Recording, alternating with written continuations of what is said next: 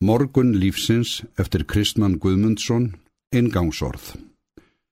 Kristmann Guðmundsson fættist að þverfelli í Lundareikjadal 23. oktober 1901 og ólst þar upp hjá afa sínum og ömmu og fluttist síðan með þeim að fásgrúðarbakka á Snæfellsnesi. Hann fór ungur að heimann og vann fyrir sér við margvísli störf á sjó og landi en áttum tíma við Berglavík að stríða og var einn vetur á Vívilstaðahæli. Hann stundaði nám við samfunnusskólan í Reykjavík en hjælt til Noregs árið 1924 og dvaldist þar allmörg ár en var síðar í Kaupmannahöfn um tíma og einni í Vínarborg. Hann kom allkomin til Íslands rétt fyrir setni heimsturjölduna og bjó lengi í hveragerði en einni í Reykjavík og Hafnarfyrði. Kristmann lést hann 20. november 1983. Áður en Kristmann Guðmundsson fluttist til Noregs byrtist ljóðabók hans Rökkursöngvar. En árið 1927 kom skaldsaga hans Brúðu kjólinn út á norsku. Hver sagan rak síðan aðra á næstu árum og nutu þær gríðarlegra vinsalda og voru þýttar á fjölmörg tungumál. Nafn Kristmanns var á hversmanns vörum í Noregi eins og Vilhjálmur Finnsen sendi herra komst að orði í æfisögu sinni. Vissulega er slikt æfintýri líkast um rítöfund sem skrifaði á erlendu tungumáli. Eftir heimkomuna skrifaði Kristmann á móðurmáli sínum meðal annars sjálfsæfisögu sína í fjórum bindum og árunum 1959 til 62. Hann mætti strax andstreymi á Íslandi meðal annars af hálfuri töfunda og vel má hugsa sér að afbríðisemi í hans skarð hafi átt þar hlutað máli. Síðar blandaðist pólitík augljóslega þeim gusti sem liekum mannin eins og meðal annars kemur fram í viðtalsbók Magnúsar Bjartfreðssonar við Jónur Vör. Steit Steinar skrifaði í Þjóðviljan árið 1948 neyðarlegan réttóm um eitt verka Kristmanns og hófst hann á þessum orðum. Krisman Guðmundsson er ekki mikið skáld og það er honum sjálfum ljóst. Steinn mun hafa yðrast þess að hafað ángrað félaga sinn á þennan hátt.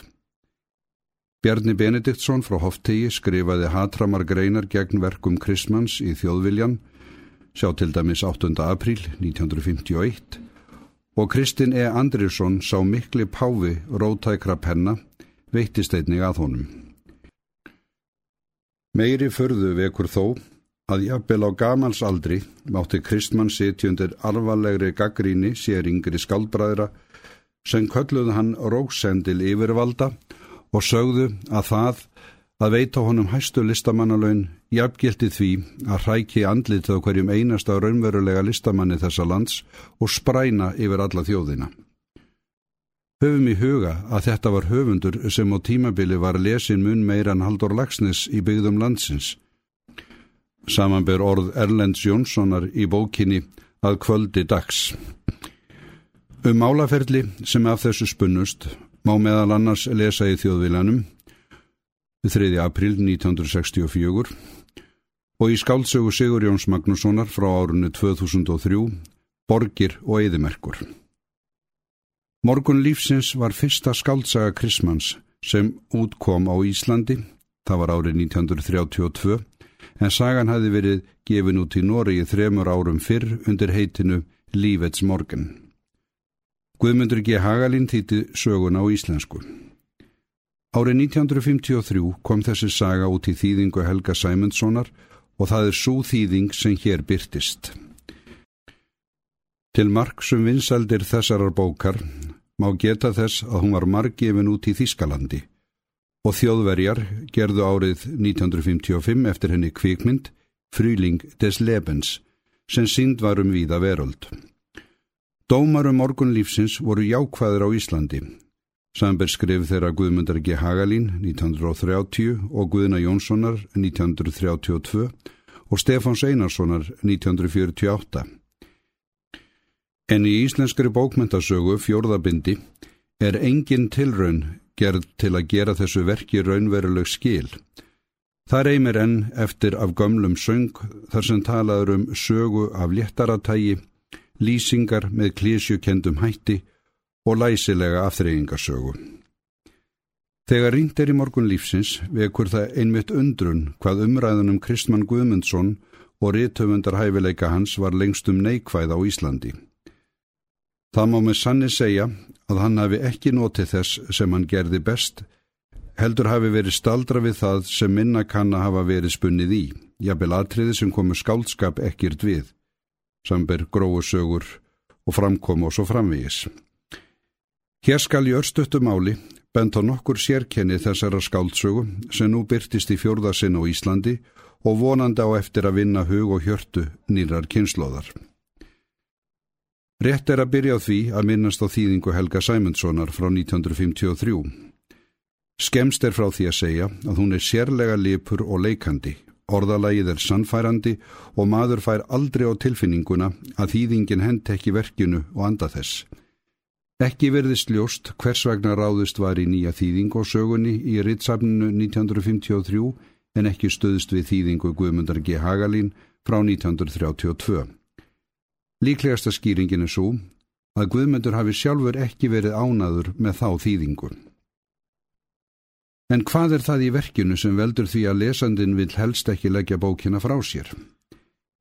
Í sem stystu máli má eftir vil segja að Kristmann kunni öðrum betur að segja sögu. Frásögnin líður áfram áreinslu lust að því er virðist með fyrirbóðum sínum og draumum í anda fornara sagna. Kristmann kann líka lýsa elskendum og ástum án þess að það verði væmið eða vandraðalegt. Hann er strax að takja á lesandanum og veit nákvæmlega hvað hann ætlar að segja. Hann skapar spennu strax í upphafi í lýsingu á norrlendingnum sem hafði brent allar brýra baki sér og flust í annan landsluta, vegna ástar og stúlku sem hafði lofast vini hans. Þetta er saga um ástir en einnig um andstæðu ástarinnar, hatrið, hinn að þingstu byrði lífsins. Og afbríðiseminn fær sannarlega sína um fjöllun og kemur meðal annars fram í yngri kynslu sögupersona, Jáframt er þetta saga um syndir feðrana, svik og blekkingu, kaldan veruleika og draumin um hennar sönnu ást sem líst er undurfallega og dauðastund hetjunar. Þetta er saga um eineldi og jáframt hetjusaga í anda margara Íslendingasagna, þar sem grundtótnin er að annað sé gæfa en görfuleiki. Norrlendingurinn sem delur hugsin með glensi og gamni nýtur ekki samúðar eða skilnings meðal sunnlendinga sem brinja sig með þegjanda hætti. Þar kemur meðal annars upp miskilningur millir tveggja persóna sem leiðréttist ekki fyrir hennum seinan. Þannig má segja að vináttu að fari forgörðum en hetjuna dreymdum vináttu eins og hann hafði kynst henni á æskuslóðunum nyrðra.